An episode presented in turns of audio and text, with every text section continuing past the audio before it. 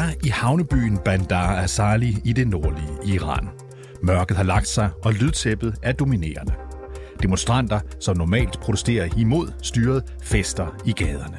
Begejstret og dansende fejrer de, at det iranske fodboldhold er røget ud af VM efter et nederlag til USA. I en af gaderne sidder den 27-årige iraner Mehran Samak i sin bil. Han sidder med hånden på rattet og trykker ned, så bilen giver en høj lyd fra sig. Og så bliver han ramt af en kugle i nakken, der dræber ham. Ifølge internationale organisationer bliver han skudt af iranske sikkerhedsstyrke. Du lytter til konfliktzonen, hvor vi i dag gør status på de iranske oprør. Et oprør, som nu har varet i præcis 80 dage. Og ligesom Meran Samak, så har flere hundrede mennesker mistet livet i den periode. Vi spørger, hvor langt det iranske regime vil gå i kampen for, at de kritiske stemmer forstummer fuldstændigt. Og omvendt, hvad protestbevægelsen vil gå med til. Mit navn er David Tras. Du lytter til Konfliktzonen.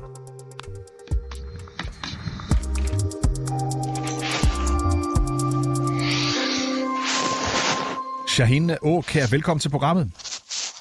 Godmorgen.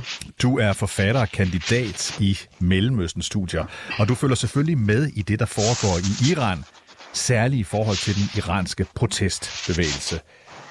Lad mig lige begynde med Miran Samak. Blandt andet den norske organisation Iran Human Rights vurderer, at han blev dræbt af iranske sikkerhedsstyrker, da han fejrede, at Iran var røget ud af VM. Hvorfor skulle Miran Samak dø?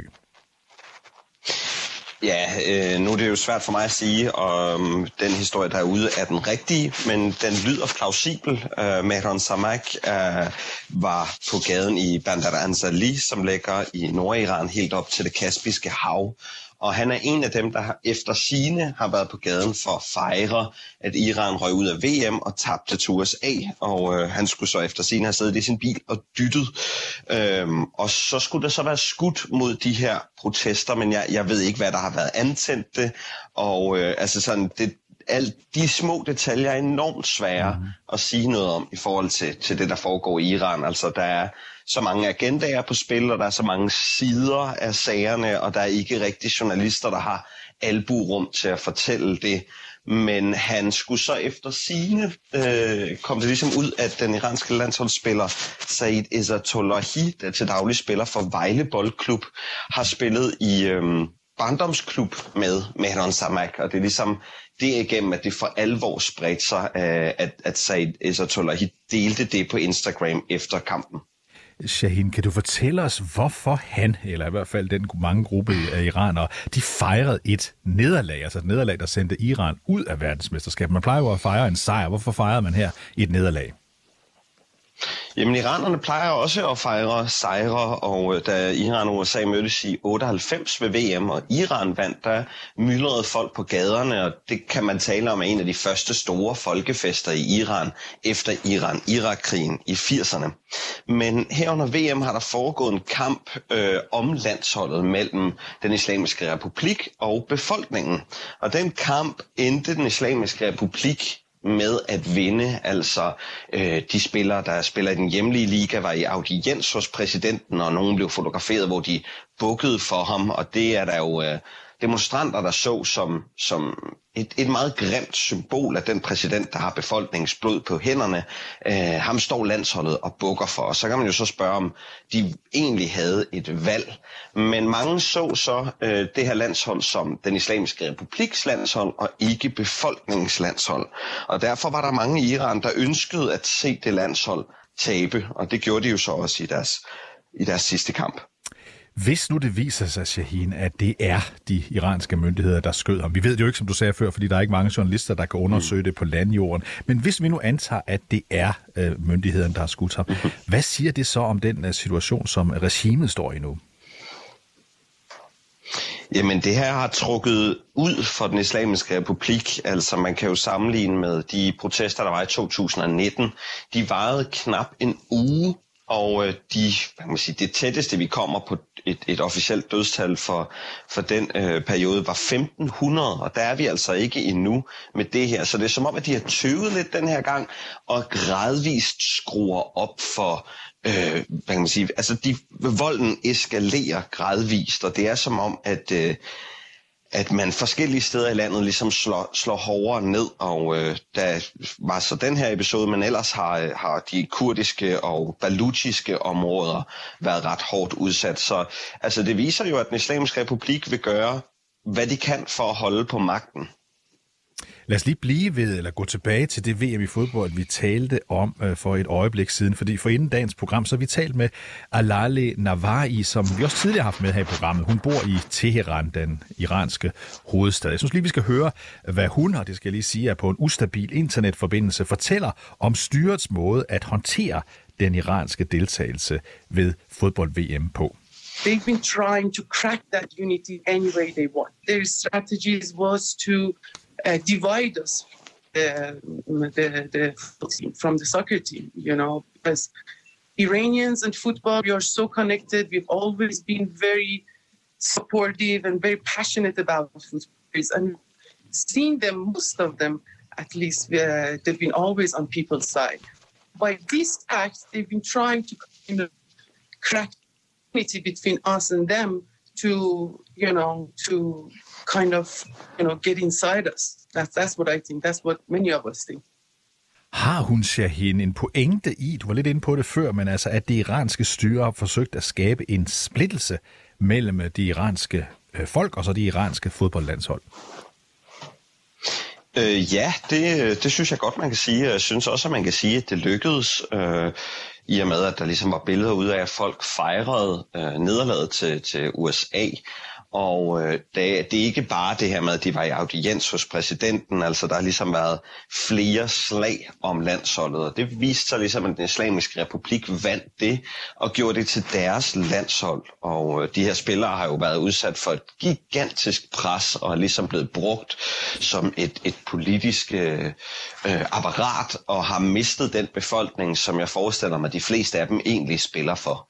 Så Shahin, når mange af os her i Vesten var begejstret for at se, hvordan det iranske fodboldlandshold op til deres første kamp undlod at synge med på mm. øh, den iranske national, øh, nationalsang, og så det som et symbol på kritik af regimet, så er det altså ikke sådan, det er blevet taget ned i, øh, i den iranske befolkning.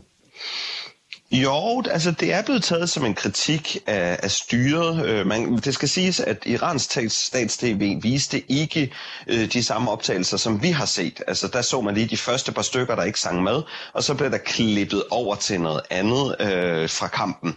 Øh, altså publikum, eller, eller hvad ved jeg.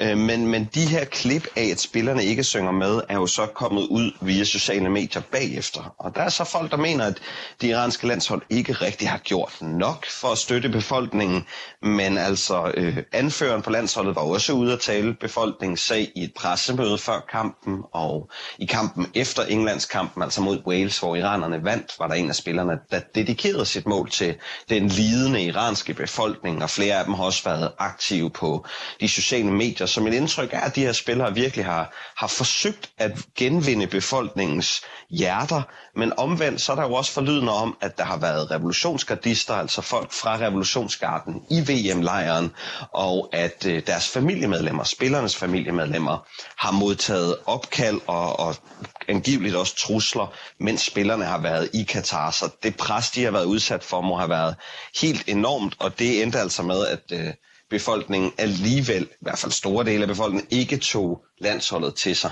Med et godt indblik i, hvor svært det er at agere, uanset hvad vil godt er skidt, når man bor i et diktatur. Vi skal lige lidt tilbage til hovedhistorien, vi talte om til at starte med, nemlig øh, den historie, altså det, det store oprør. Fordi historien om Meran Samak, det var ham, der blev skudt ved demonstrationer, står ikke alene. De landsdækkende protester, de har stået på i snart tre måneder efter, at den 22-årige kvinde, øh, Masha Amini, mistede livet i politiets varetægt. Og de iranske styre har netop for første gang kommenteret på antallet af dræbte under protesterne. Og ifølge den iranske general Amir Ali Hajizadeh er der tale om 300 dræbte Shahin Oka. Kan vi regne med, at det er det rigtige tal? Nej, altså nu, det seneste, jeg har hørt fra styret, er en korrigering, hvor at det var 200.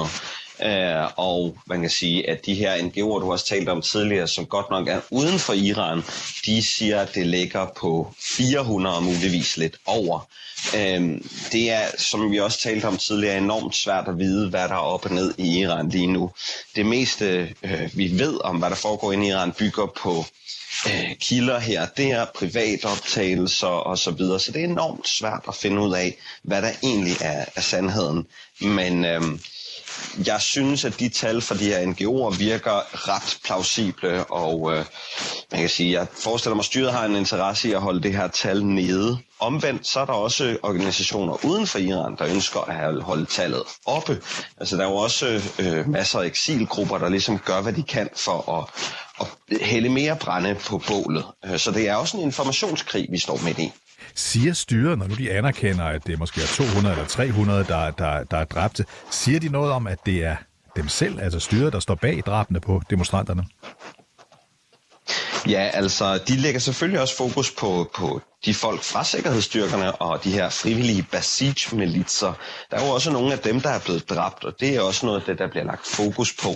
Men ja, altså for den islamiske republiks vinkel, så handler det her om en bekæmpelse af et udefrakommende øh, støttet oprør, og øh, det er bøller og, og terrorister, der bliver slået ned på. Så øh, ja, det, det er ikke fordi, de afviser, at deres egne folk øh, dræber folk, men de siger jo så ikke, at det er ganske almindelige øh, indbyggere, der står på gaden og, og er blevet trætte. Så øh, det, det er ikke fordi, de holder alting hemmeligt. Øh, og som vi havde tallene, så siger vi altså, at styrets tal ligger et sted mellem 200 og 300. Vi har iranske NGO'er, der siger, at det måske er 500. Og så har vi af Lale Navahi, som vi har talt med. Hun fortæller, at hun simpelthen ikke mener, at de 300 er retvisende. Hun er altså med fra en, en, en svag forbindelse fra Teheran i Iran. Lad os høre hende her.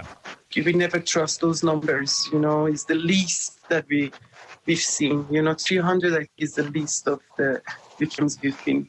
I don't think we can put value on what kind of victim. I mean, death is the, the last kind of resort, but there are people who've lost their eyes in these protests. Children who lost their eyes because of their uh, guns and their uh, paintball guns, you know, that they're using on us. So it's uh, the amount of sacrifice. Uh, it's so much more than 300. You know, I mean, the, the, the life of these children that are going to go on without an eye, eight-year-olds and six-year-olds, you know, just because they were in the streets. You know, it's, uh, it's unbelievable. Ja, her er vi altså lidt tættere på, end vi ofte er i beskrivelserne af, hvad det er, der foregår, fordi Alale Navahi er med, eller var med os øh, fra, fra, fra Teheran, den iranske hovedstad. Shahin Oga, kan du fortælle noget om den her meget hårdhændede måde, som hun beskriver de iranske sikkerhedsstyrkers ageren på? Øhm, er det sådan, det er? Ja, angiveligt. Det er jo, jeg forestiller mig, at de ting, hun øh, ser, er jo nogle af de samme ting, jeg ser på de sociale medier. Altså meget af det, iranerne også øh, bygger deres viden på, er jo også fra, fra sociale medier. Og øh, det lyder måske lidt øh, sært, men altså det her fra 2019, øh, som knap var en uge, var et en voldsommere islamisk republik, vi så der, altså hvor det virkede som om, man meget hurtigt valgte at skyde med skarpt.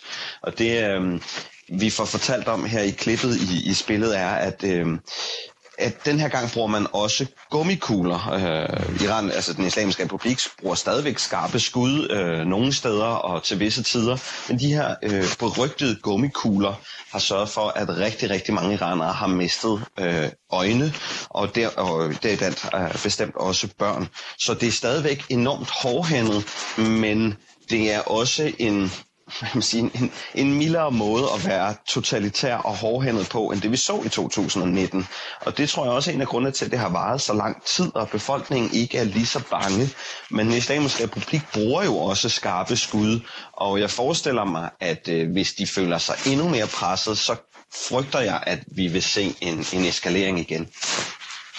Og det er en ting, den her voldsomhed, de, de, de opfører sig med, men vi hører også om personer, som ved en domstol bliver dømt til døden. Her peger den iranske NGO Rana på, at syv mennesker har fået dødsstraf som følge af protesterne.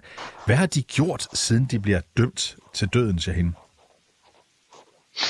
Øh, jamen, flere af dem har fået en, en dom for Mohareb, som er krig mod Gud. Og øh, man kan sige, hvis man ser verden fra den islamiske republik, så er den stat jo bygget på, på Guds lov og Guds ord, og derfor er protester mod den islamiske republik jo også krig mod Gud. Og det er flere af dem blevet dømt for, enten det, eller, eller det man sådan lidt vagt kan oversætte til korruption på jorden. Og øh, det, de dødstraffe, vi indtil videre, eller dødsdomme, undskyld, som indtil videre har set, er, øh, er som regel den ordlyd, der er, der er blevet puttet på. Øh, og jeg tror, deres hovedopgave er igen at skræmme flere fra at gå på gaden. For de mennesker, vi øh, har hørt om indtil videre, der er blevet dømt, er, øh, er som regel egentlig bare fordi, de har været i, i protester, og måske har været blandt dem, der stod allerforrest. Alhale Nawai, der som sagt er bosat i Teheran i Iran, hun mener, at dødsstraf er til for at plante en frygt hos almindelige iraner. Lad os lige høre, hvad hun siger. It's tragic. It, uh, it has affected us, but you should remember that uh, these kinds of acts uh, are to show us that you know what's waiting for you is going to be this. We are used to being people executed here in Iran, unfortunately. I mean, you never get used to it, but we've seen it. We've seen it in our squares in the middle of the city. They hang people. So um, it's, it's tragic. It still haunts us every time we hear about it. Hun fortæller altså, at iranerne ofte hører om personer, der bliver dømt til døden, og det er selvfølgelig både tragisk og skræmmende hver gang. Shahin Okær, hvordan vurderer du, at de her dødsdøm, død, dødsdomme de påvirker protestbevægelsernes lyst til at fortsætte? Altså nu er der jo mere end 80 millioner mennesker i Iran, og jeg er sikker på, at der er nogen, der, der vil føle sig skræmt væk fra at deltage. Lad os sige, at din familie er afhængig af, at du øh, er på arbejde og kan skaffe smør på brødet, så har hele din familie et alvorligt problem, hvis du enten bliver fængslet eller henrettet. Så selvfølgelig er der nogen, der, der bliver påvirket, men mit indtryk er også ud fra dem, jeg taler med i Iran, at, øh, at den, den islamiske republik har vaklet den her gang, og det har gjort, at der ikke er ret mange, der egentlig er blevet bange, men tværtimod ønsker, at det er det nu eller aldrig. Altså det er som om, at der, der er blevet set en åbning. Øh, så mit indtryk er, at ja, det har sikkert virket på nogen, men øh, jeg synes ikke, at det har haft den effekt, som jeg forestiller mig, at den islamiske republik har ønsket med det. I weekenden, der kom der så ud i flere internationale medier, at det iranske moralpoliti, det var også dem, der stod bag anholdelsen af Marsha Amini i sin tid i september, nu bliver opløst. Er det virkelig øh, rigtigt, at det bliver det? Nej, det er det ikke. Øhm, det er en øh, lidt vag formulering fra en statsadvokat, øh, der ligesom talte om, at det ikke hørte ind under politiet, og så, så blev det ligesom formuleret som om, at det så blev lukket. Men det er øh, ikke rigtigt. Og man kan sige, at moralpolitiet har heller ikke som sådan været institution siden øh, revolutionen i 79, men de opgaver, som tidligere øh, har, har lagt øh, i hænderne på betjente osv., blev flyttet over til det, vi i, i Danmark kalder moralpolitiet i løbet af nullerne. Øhm, og der har været forlydende om, at man overvejede at lukke det, eller nogen har argumenteret for at lukke det inde i den islamiske republik, men langt de fleste siger, at uanset hvad, så øh, vil man selvfølgelig bibeholde de lovgivninger, som moralpolitiet stod for at håndhæve. Men, men nej, det ser ikke ud til, at øh, det er eller lige forløbigt vil lukke, men, men meget tyder på, at det er en debat, der er internt i den islamiske republik, men igen, det er også noget, der bygger på, på rygter og leaks osv. Vurderer du, Shahin, at det er sandsynligt, at flere iranere vil gå på gaden nu? For det er jo en historie, vi hører fra Teheran og Iran nu, at flere vil gå på gaden. Er det sandsynligt? Ja, altså nu kommer det de her tre dage, hvor der er kaldt til generalstrække, og folk skal mødes ude i forbindelse med de studerendes dag. Og øh, det forestiller jeg mig, at der er rigtig mange, der vil møde op til. Det jeg hører fra Iran er, at øh, særligt i Teheran og nogle af de større byer, så ser vi ikke demonstrationer hver dag, øh, som vi gjorde i starten. Øh, nu har det også varet så lang tid, at folk ligesom også har behov for at både at puste ud og også passe alle mulige andre ting, men at folk har skruet ned for, hvor meget de handler ind, og så har de de her øh, faste dage, altså det kan være de her 40'erne sørgedage, man bruger i Shia-islam, det kan være de studerendes dage, det kan være lignende ting, man ligesom bruger til at mødes ude til store demonstrationer i, igen og til, til gadekampe og hvad ved jeg. Så jeg forestiller mig bestemt ikke, at vi har set det sidste, og jeg kan godt forestille mig, at, at vi vil se en, en eskalering både i, i antal, der dukker op, men også en, en eskalering af vold fra begge sider. Vi har også spurgt Lahe Navahi i Teheran, om hun med det hun ser og hører, tror, at protesterne vil blusse op igen fra i dag.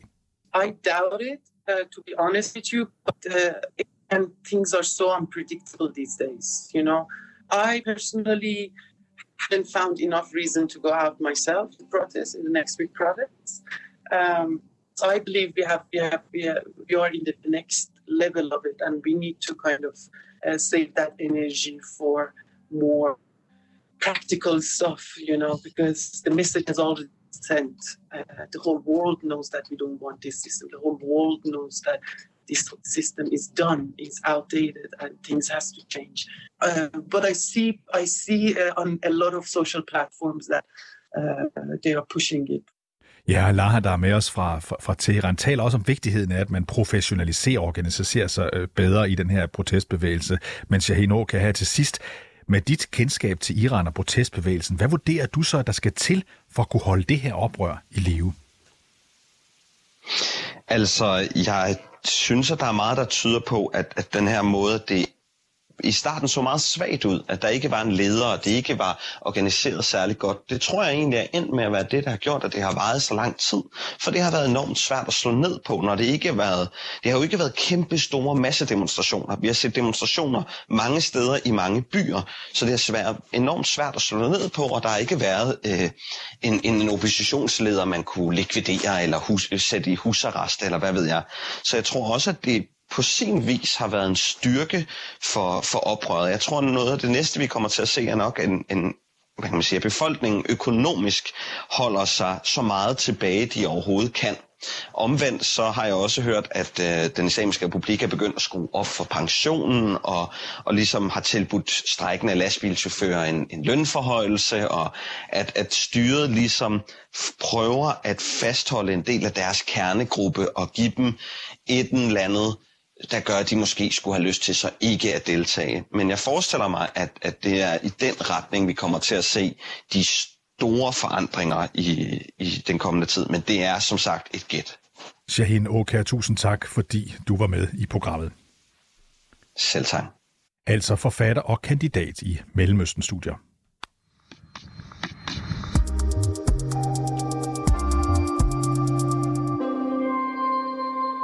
Du har lyttet til dagens afsnit af Konfliktzonen 24-7's udenrigsmagasin. Mit navn er David Træs. Holdet bag programmet er Sofie Ørts og Kirstine Mosin. Du kan lytte til programmet direkte, det kan du mandag til torsdag fra kl. 8 til 8.30, men du kan selvfølgelig også høre programmet som podcast.